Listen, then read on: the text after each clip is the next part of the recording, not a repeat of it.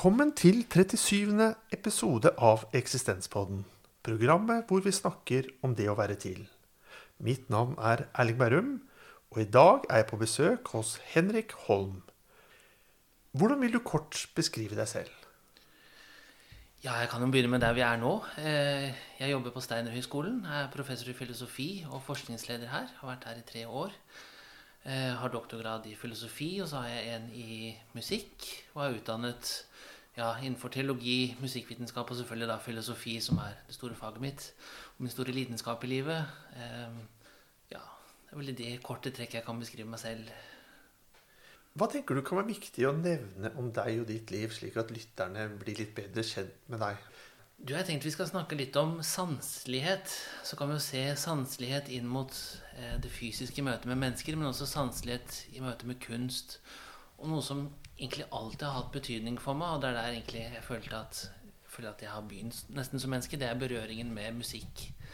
Altså Den estetiske erfaringen av musikken, den sanselige opplevelsen av musikk, den har bergtatt meg siden jeg var veldig liten. Og jeg må ærlig si at det er noe som fortsatt i den dag i dag er liksom det som alltid gir meg tanker. Altså Friedrich Nietzsche sier veldig fint at, at musikk kan gi vinger til tankene. Og det er ikke bare pent formulert, men det virkelig treffer noe dypt ved, ved den musikalske erfaringen.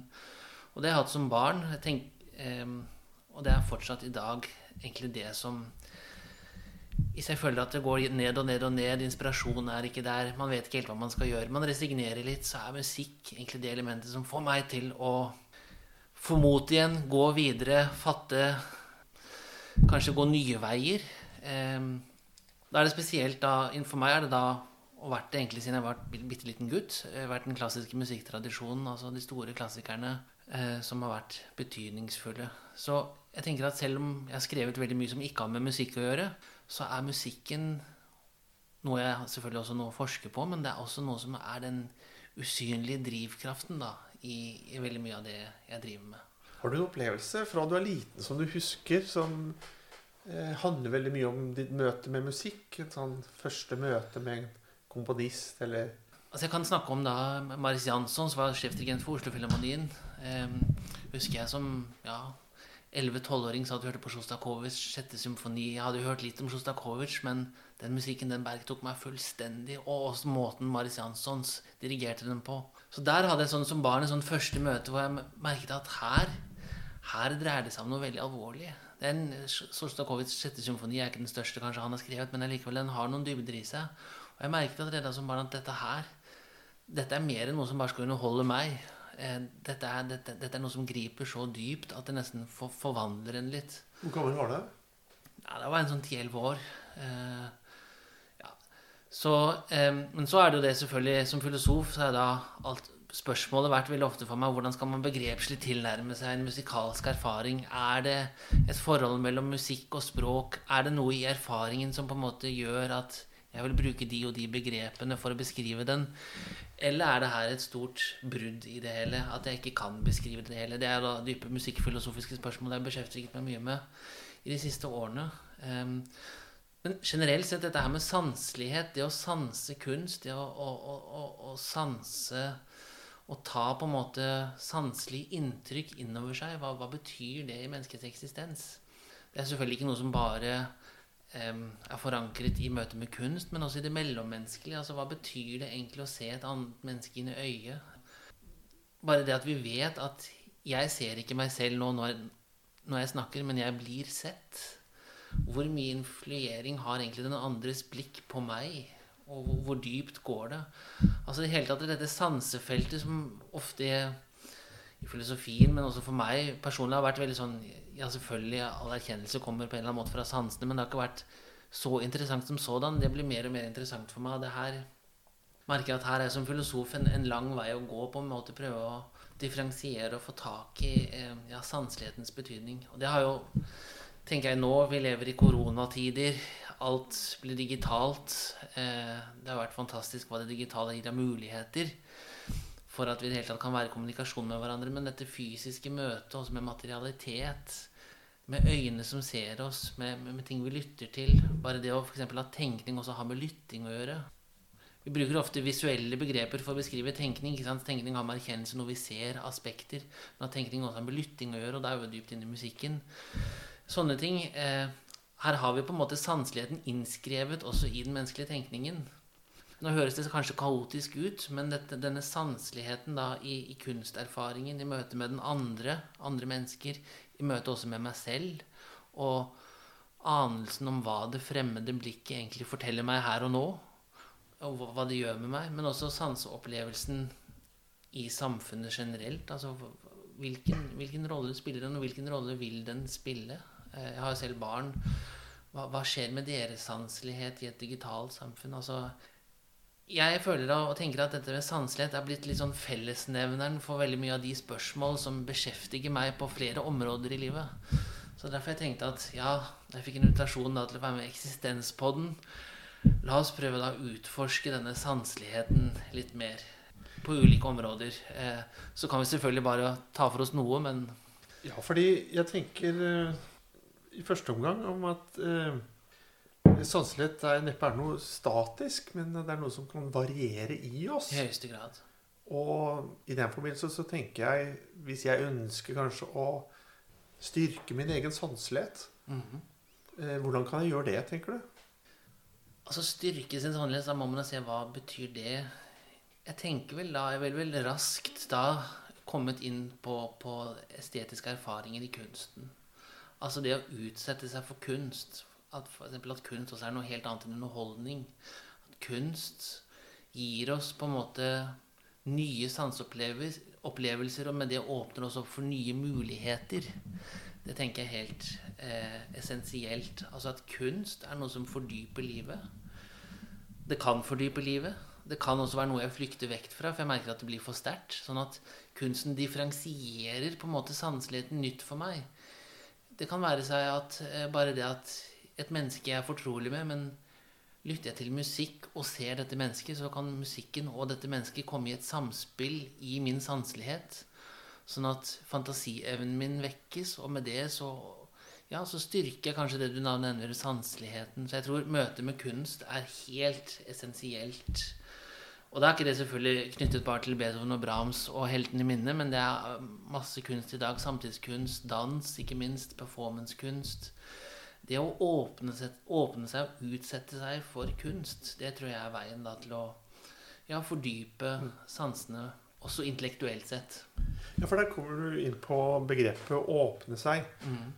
Og jeg tenker i forbindelse med sanselighet så, så, må man jo også ha en holdning da, ja. knyttet til å være åpen for omverdenen. Ja. Jeg tenker litt i forbindelse med Du kan gå på Samtidskunstmuseet f.eks., mm. og så kan du gå forbi noe du tenker umiddelbart er tull, ja. eller som du da lukker deg for, da, og kanskje er fordomsfull imot. Det er jo bare en eh, bøtte med en kost oppi. Hva i all verden skal dette være kunst? Og så går man forbi. Men man kan jo kanskje også en annen tilnærming da, hvis man tillater seg å være litt mer sanselig. Eller hva tenker du om det? Dette er et veldig veldig spennende felt du åpner. Noe som beskjeftiger meg veldig om dagen, er nettopp det at i dette møtet med kunst så er der hvor jeg opplever motstand i det sanselige, noe av det mest interessante. Der hvor jeg er på kunstutstillingen og tenker at dette her er ikke kunst, det er bullshit, få det vekk. Den motstanden, da å kjenne på den, og gå inn i den da kanskje da etter man har vært på kunstutstillingen Hvorfor vekker denne kunsten så mye motstand i meg? Er det bare fordommer? Er det fordi jeg ikke liker kunstneren? Er det fordi det var et eller annet element der som forstyrrer meg? Eller har den kunnskapen nettopp et budskap til meg fordi jeg har så voldsom motstand mot den? Det er veldig interessant. Altså, det musikalske feltet jeg har jo selvfølgelig sympatier og antipatier. Hvorfor er det slik at f.eks. Aaron Copland, for eksempel, som amerikansk komponist Jeg kan ikke utstå å høre på det mer enn to minutter før jeg, jeg blir fullstendig gal av det. Hvorfor er det slik? Det er et veldig interessant felt.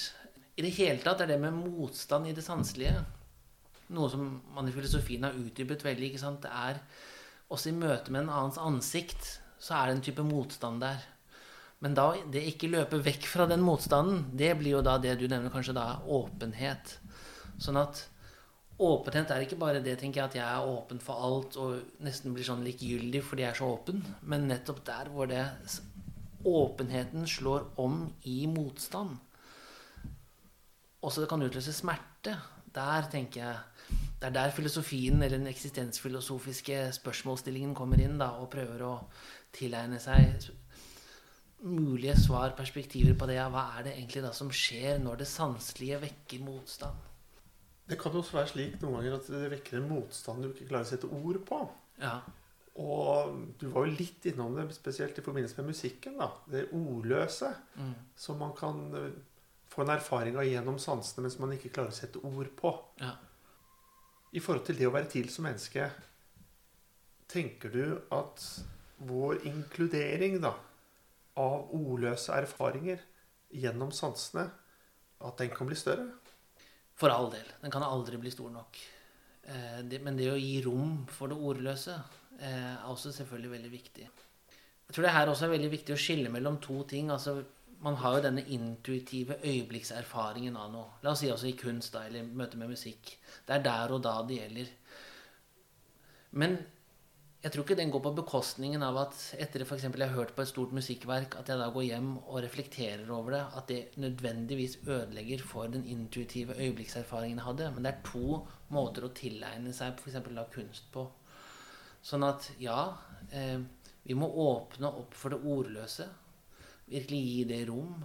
Eh, men allikevel så tror jeg har en tro på det, og det er kanskje fordi at jeg har for mange filosofiske fordommer, at begrepet ikke nødvendigvis er en fiende til det ordløse. Altså det å gå inn med begrepet i erfaringer som er ordløse, og da prøve å sette ord på det som faktisk da viser seg i dette her, det tror jeg er veldig spennende. Fordi det er i all sanselighet, det blir jeg mer og mer overbevist om, i all sanselighet så er det noe som butter. Det er noe som ikke lar seg presse inn under et begrep. Det er noe som utøver motstand. Det er smerte i det. Det er noe jeg ikke kan bare fortolke og si at ja, men det er mening, det er ikke mening.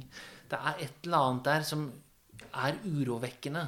Men det da å gå på en måte med filosofien og tanken og begrepet og ordene inn i denne uroen, det som vekker da noe som jeg ikke greier å sette ord på eh, her, her tror jeg nettopp da den filosofiske fødselen begynner i f.eks. en estetisk erfaring.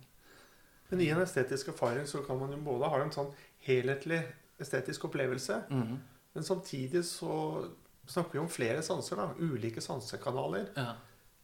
Kan det være noe utfordring knyttet til det å være opptatt av delene av en helhetlig sanseopplevelse og den helhetlige opplevelsen? Det er jo Det tenker jeg Relatert til kunst er det veldig spennende musikk. ikke sant? Det, hvorfor er det slik at vi har helhet og del? Jo, det er fordi vi er underlagt tiden.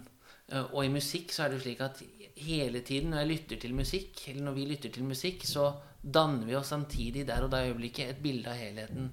Vi, å høre f.eks. takt fem og åtte av en symfoni av Brahms har ikke så mye mening uten at du har hørt takt én til fire. så vi setter hele tiden i relasjon til det som har vært. Og vi får en anelse av det som kommer. Det som da skjer i musikken på en veldig konsentrert måte, det skjer jo tenker jeg også i livet. Vi er på en måte splittet i, i det at øyeblikket der og da hele tiden forskyver seg. Alt synker hen i fortiden, og fremtiden blir til mens øyeblikket bare går videre. Eh, Det er jo en gammel erkjennelse i filosofien, men jeg tenker det å, å kjenne på denne tidsfølelsen er, er kjempeviktig. Eh, Som, som nettopp du er inne på der. Eh, Og da er vi jo dypt inne i dette med helhet og del. Vi lager oss bilder av helheten mens vi er ved og i en del. Det er på en måte en slags tragedie også i vår eksistens. Eh, Vi har utlevert tiden. Vi har ikke helt helheten. Men vi konstruerer helheten tiden, som alltid blir annerledes enn det vi kanskje tror den blir. Men Du snakket også litt om eh, vår tid her for kort øyeblikk siden. Og i dag så er det jo slik at vi utsettes for eh, veldig mange sentralstimulerende stimuli. Spesielt knyttet da kanskje til eh, skjerm, eh, lyd Jeg tenker litt på sosiale medier også, ja. som er konstruert da, for å gjøre oss avhengig av visse typer visuelle stimuli eller belønningsmodeller. da eh, kognitive belønningsmodeller. Og da mm, tenker jeg på hvordan påvirker dette her eh, også mennesker, og da den litt mer sanselige, estetiske opplevelsen av det å være til som menneske. Veldig godt spørsmål. Um, tenker Her er det viktig å oppdage ambiguiteten i det hele. Altså det, har, det er tvetydig, det har to sider. På den ene siden, for å bli litt personlig, så er jeg veldig redd for Eller redd er kanskje galt bekymret da, for digitaliseringen og på en måte det koreansk-tyske filosofen kaller glatthetens ikke, Filosofen Byung-Chul Han kaller glatthetens tyranni. ikke sant? At alt er bare glatt, alt er overflate. Alt skjer på et overflatisk plan, og det som butter litt der hvor det er noen riper, det kan vi bare da scrolle vekk. Eh, få det vekk. Det bekymrer meg på den andre siden. Men på den, andre, men så, på den ene siden, men på den andre siden så tenker jeg det at uh, de digitale mulighetene og de vi har i dag, gir nye muligheter til nye typer sanseopplevelser. Som da igjen blir reflektert på nye måter innenfor kunstfeltet. Så um, dette her med hva sanselighet er i vår tid, jeg tenker det er et veldig komplekst tema. Eh, det griper dypt inn i hvem vi er som mennesker. Er vi i en tid der vi faktisk forandrer oss litt som mennesker fordi vi sanser annerledes? Fordi vi utsettes for de sanseopplevelsene vi gjør? Hva skjer det med meg når jeg f.eks. Hvis jeg slutter å gå på konsert og bare ser på YouTube og hører på Spotify og eh, tar del i kunsten på den måten Selv om jeg ikke vil det, skjer det noe med hvordan jeg faktisk lytter til den musikken jeg elsket siden jeg var fire år det er én type problemstilling.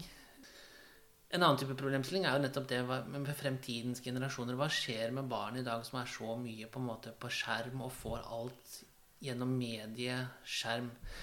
Jeg er rett og slett bekymret for den, mo den manglende motstanden skjermen gir. Kan hende at jeg nå eh, viser meg, avslører meg selv som ulærd på det digitale arena, men har en fornemmelse av at den motstandsløsheten som ligger i det digitale, er noe som kommer til å prege fremtidige generasjoner. Og det, det gjør meg urolig. Eh, veldig, veldig urolig.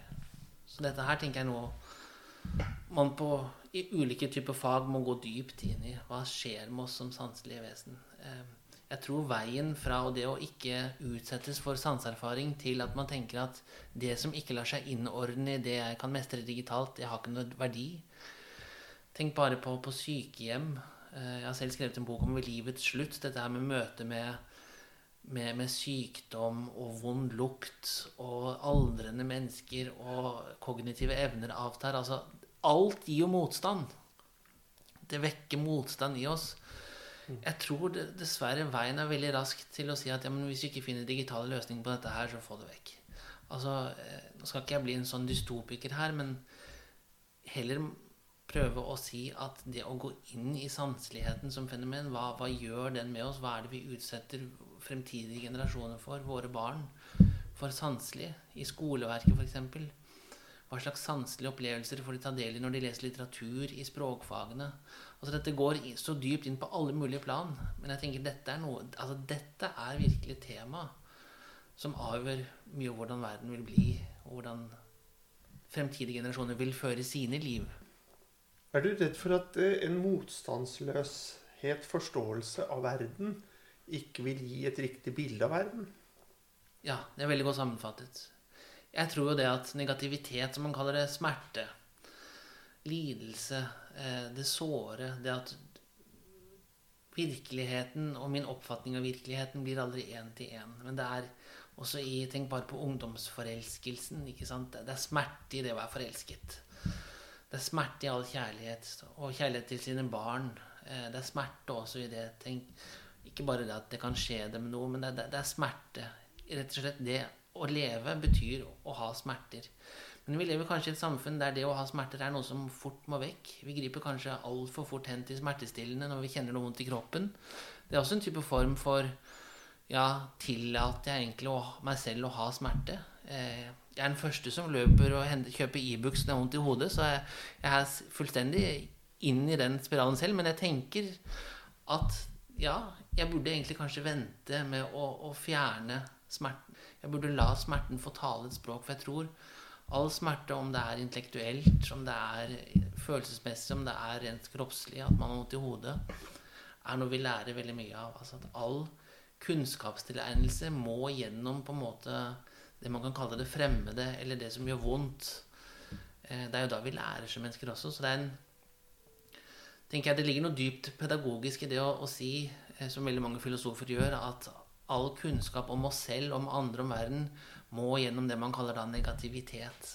Fordi det er den som transformerer oss, og som gjør at vi faktisk kan gjøre noe fremmed om til vårt eget. Det betyr ikke at jeg forherliger her alt ondt som skjer, men det betyr at det å løpe vekk fra alt som heter smerte, for at livet skal bli enklest mulig, det tror jeg er en vei veldig mange går i dag. Og jeg går den selv sikkert på mange områder. Kanskje på noen ikke. På andre er jeg sikkert den første som mislykkes i å overholde egne idealer. Men det å tematisere det, det om få kultur, der vi åpner opp for at livet er sårbart, det er smerte i det, det er lidelse i det, og døden er på en måte innskrevet i livene våre. Jeg tror det er noe også barn, ungdom, alle må utsettes for. Om det er gjennom litteratur at man tar del i, i protagonistenes skjebne, eller om det er musikalske erfaringer. Det er nettopp her også jeg tror kunst kan hjelpe oss, fordi den tar for seg negativitet og smerten i det å være menneske på en veldig spesiell måte som bare den kan gi. Eh, jeg kan ikke reflektere meg og tenke meg frem til det en Beethoven-symfoni sier til meg. Det er bare den som kan si det på sin måte. Det, det hevdes jo at uh, flere av våre medmennesker i dag eh, kanskje er blitt uh, mer rastløse. Mm. Og kanskje da knyttet til den overstimulerte praksisen de har sin egen hverdag, da, når det gjelder mm. bruk av skjermer og det vi nettopp snakket om. Hvor da denne motstanden, eller kanskje negativiteten for de kan også være noe sånn som å bare sette seg ned på en benk i en park uten å ha en mobiltelefon eller et nettbrett eller noe sånt i nærheten, så er det en vanskelig og krevende situasjon. Selv om de sitter der med alle sine sanser intakt. Ja, ja. Eh, hva tenker du kan forklare den uroen eller rastløsheten som gjør at man sliter også med å sette seg ned og ta verden til seg? Altså Jeg er den første som, som lider under det der selv. Jeg føler at jeg mislykkes som menneske når jeg ikke gjør noe. Altså Det å bare sette seg ned på en benk og kjenne på sin eksistens, det, er noe, det krever mot. Så det, jeg, det er én ting. Men jeg tror vi faktisk lever i en kultur der dette, denne optimeringsideologien, 'yes, we can', er veldig farlig. Vi skal hele tiden forbedre oss. Vi skal hele tiden gjøre noe. Vi rettferdiggjør oss selv med våre gjøremål. Ikke sant? Nietzsche kritiserte også dette her ved det moderne mennesket. At vi hver gang vi gjør noe som har et mål i seg selv, og som ikke har en nytteverdi, så føler jeg at vi må rettferdiggjøre det ved å unnskylde det. Eller si ja, ja, jeg må jo unne meg litt godteri, for jeg sliter jo så eh, i livet og har så mye ting å gjøre. Ikke unne seg den sjokoladen bare fordi den er god, men rettferdiggjøre den fordi den er en del av det at jeg optimerer meg. Jeg må jo til syvende og sist høre litt på meg selv og mine egne lyster for å kunne levere det jeg skal, f.eks. i familien, i arbeidslivet. Så denne 'yes, we can'-ideologien Det høres jo sikkert fint ut. Ja, vi kan. Den er selvfølgelig bra, men den har en slagside som gjør at vi blir veldig trøtte. Vi blir, vi blir rett og slett Ja, vi får angst av å møte oss selv fordi vi er fanget i et sånt hastverksamfunn og eh, der vi er urolige og hele tiden føler at vi burde egentlig ha gjort noe. Vi kan ikke føle på det at vi er. Vil du si at det også kan beskrives som en villfarelse å være så opptatt av å optimere seg? Og kanskje ja. også som en fluktrute fra en mer da eh, sanselig estetisk opplevelse av verden og livet rundt seg? Fordi når jeg har satt meg ned på en benk noen ganger, så det tar kanskje litt tid før hodet stilner litt. da. Mm. Men så kommer jo da lyden av fuglene, og så hører jeg lyden av skritt til mennesker ja. som går forbi. Og ja. det å på en måte tillate seg den ro, da, tillate seg ja. å la sansene ta til seg verden. Jeg tenker Det er en av de kjempeviktigste dydene man kan utvikle som menneske. Men jeg tror dette hastverket, denne uroen, også er innskrevet litt i vår tid. Altså Vi lider under den selv om vi ikke vil det eh, Hvis jeg bruker masse tid på det å åpne meg selv, så vil jeg også være en del av dette samfunnet og den ja, tidsånden som regjerer i dag. Så jeg, jeg, kan på en måte ikke plassere meg utenfor den. Jeg må da prøve å mestre den på en eller annen måte. Og da tror jeg det du sier, rett og slett føler på sin egen eksistens litt. Eh, nytteløst. Bruke mye tid på å bare ja, bruke sansene og høre, se hva som kommer og la det bare være der. Eh, eller gå etterpå gå inn og reflektere på hva var det egentlig som skjedde med. Eh, her har jo fenomenologien og filosofien bidratt med å på en måte forandre litt på menneskets syn eh, ved det at en spør ja, hva, hvordan, hvordan fremtrer egentlig det som fremtrer for meg, hvordan, hvordan fremtrer det for meg? Hva er det egentlig? Altså få en åpenhet mot fenomenet. Veldig, veldig viktig. Men jeg, som, du, som du er inne på, det er en dyd. Det er, det er, et etisk spørsmål. Det er et moralsk appell man må ha til seg selv. Og som jeg sa som svar på forrige spørsmål, jeg er den første som mislykkes i det jeg da ser som noe som absolutt man burde bruke mer tid på. Hvordan vil du vurdere forskjellen mellom ulik type kunst? da? musikk som egentlig er en kunstform av første orden i betydningen som kommuniserer direkte. Mm. Mens mye annen kunst er jo på en måte eh, gått gjennom andre mennesker og deres fortolkning av verden. Ja. Mens eh, i musikk så må du gjøre din egen fortolkning direkte også. Vil du ikke si det? Jo. Og den skjer også intuitivt. Jeg har alltid spurt meg hvorfor er det liksom noen musikkverk helt fra siden jeg var barn. Jeg kan lytte til om og om og om igjen, og jeg blir aldri lei. Jeg blir veldig mye lei av mye kunst etter jeg har lest det eller sett det, eller det, men det er visse verker som jeg aldri, aldri blir lei av. Hva, hva, er det de har ved seg? Det er, det er, et spørsmål jeg ikke har fått svar på. Men det er nettopp der. Jeg tror det er også fordi vi forandrer oss når vi lytter. Jeg lytter nå som på en annerledes måte til den samme musikken som for fem år siden, ti år siden, 20 år siden. Men allikevel er det nå også noe, ja, noe likt i det. Så det å, det å få på en måte utdype da likhetene, ulikhetene, nærheten, differansen i sine egne sanselige opplevelser av kunst, er jo et veldig spennende felt. Du snakket i stad om å sanse andre mennesker. Og det kan vi jo gjerne gjøre gjennom å, å se og høre og lukte osv. Men har vi også en annen måte å sanse hverandre på? Enn bare gjennom det konkret og det øyet ser og ørene hører. Jeg snakket for mange år siden med en tidligere statsråd som hadde vært i en del møter. Og så hadde de gått opp på videomøter, og så syntes han ikke det var noe særlig lenger. For da mistet han noe grunnleggende i sin sansing av andre mennesker. Da. Mm. Og det var det å lodde hverandre. Vi, når vi snakker med hverandre, så får vi en, en mer informasjon enn bare rent hva vi sier, og kanskje tonelaget. Det er noe å lodde hverandre som bevisste vesener. Mm. Er det en del av det du ser på som sansingen også? I høyeste grad. Der har jeg gått en litt vei selv også, fra det å være det man kan kalle en hermenoitiker, til å bli mer og mer en posthermenoitiker. Eh, før har jeg kanskje vært altfor raskt med til å på en måte sette ting Gi ting mening. Fortolke altså andre mennesker. Sette det inn i i betydninger som jeg tror er viktige. Men jeg merker mer og mer jo eldre man blir, så setter jeg spørsmålstegn ved det, man, det man mener gir mening. Hva man tror er den rette fortolkningen. Sånn at det åpner seg her også et, på en måte et gap i møte med mennesker, og hva, hva, det, hva som viser seg i dette møtet. Jeg blitt veldig opptatt av ordet det at noe viser seg. Det at ting viser seg. Eksempel hvis vi satt nå og snakket hver dag sammen, så vil det vise seg noe i, i deg som jeg etter hvert kanskje vil ta del i, og som plutselig vil gå opp for meg i det vi snakker kontinuerlig og blir mer og mer kjent.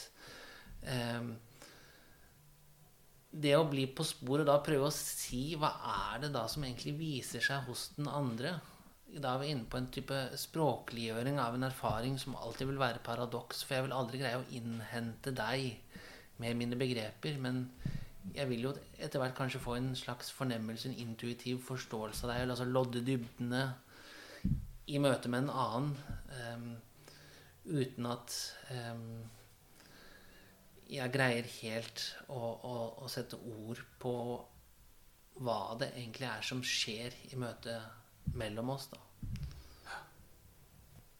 I forbindelse med opplevelsen av andre mennesker, da, så, så har vi gjerne et humør òg. Et utgangspunkt til en sinnsstemning. Mm. Og jeg vet jo at eh, Heidegger blant annet, som eksistensfilosof var veldig opptatt av stemninger.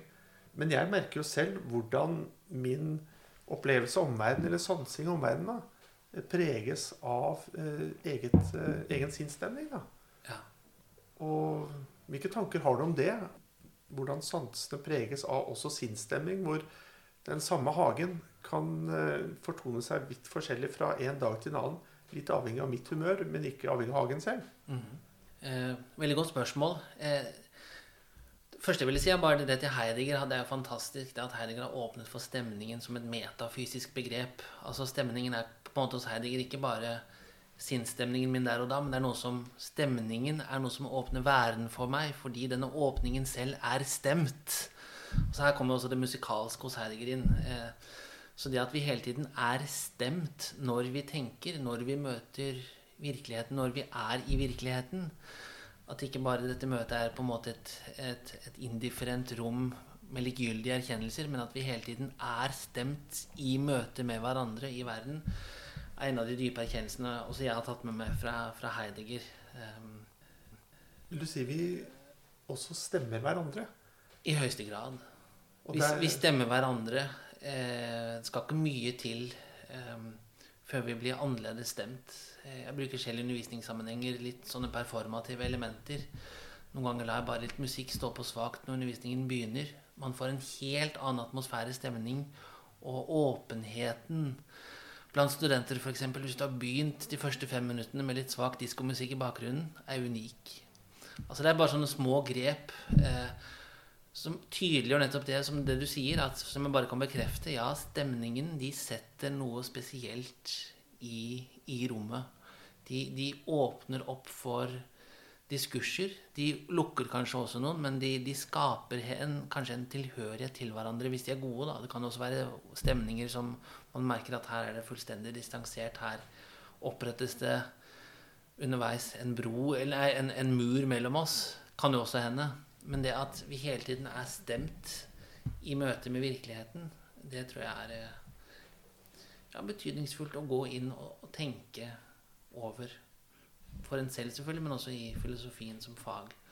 Vil du si vi er eh, bevisste nok til å, å velge situasjoner som gir oss gode stemninger?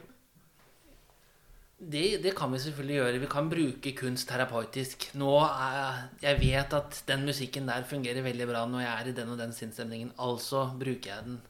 Men samtidig tror jeg dette med stemning er noe vi blir kastet inn i.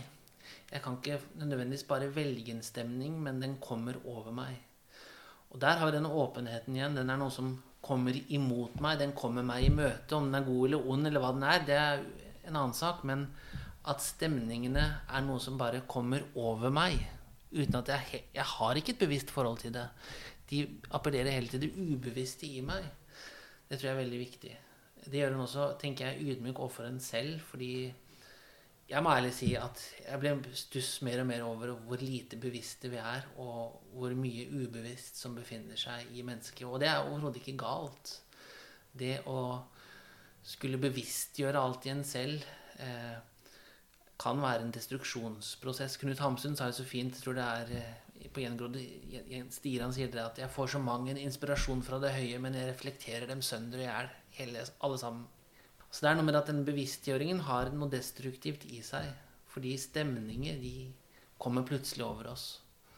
Det kan være noe i blikket ditt som tenner noe i meg. Som kaster meg inn i en helt annen stemning. Som gjør at jeg da sier noe helt annet enn det jeg hadde tenkt å si. Vi nærmer oss nå slutten på dagens samtale. Da pleier jeg å spørre om du har noen tips eller råd til lytterne avslutningsvis. Ja, altså Jeg underviser veldig mye etikk, og, men jeg blir mer og mer forsiktig med å gi noen som helst mennesker råd om noe som helst, for jeg synes det er vanskelig nok å leve selv. Så det å da si hvordan andre skal leve i tillegg, blir veldig vanskelig. Men jeg tenker det, og, og hvis jeg skulle gi et råd, så måtte det være det å utsette seg for ting. Prøve å bryte gjennom dette her, bare det som bekrefter en, men det som ikke bekrefter en, ut i det man kaller det det ikke-identiske ut i negativiteten. Eh, sier ikke at man skal sitte og påføre seg smerte, det er ikke det jeg sier, men utsette seg for det som man merker kanskje vekker uro i en selv. Det tror jeg kan være veldig viktig. Og da er kanskje det som vekker mest uro i en selv, er kanskje en selv. Så det å utsette seg for seg selv, kanskje det er en spennende vei å gå. Det er vel det eneste jeg kan si. Har du noen visdomsord du har møtt på din vei i livet som du gjerne vil dele? når du stiller et sånt spørsmål, så er det første som faller inn i hodet mitt, er Jesu ord om at eh, den som vil vinne sitt liv, må gi slipp på sitt liv. Da takker jeg for samtalen. Takk også til deg som lytter for å ha fulgt oss denne gang. Vi høres igjen, og inntil da ha det bedre enn bra.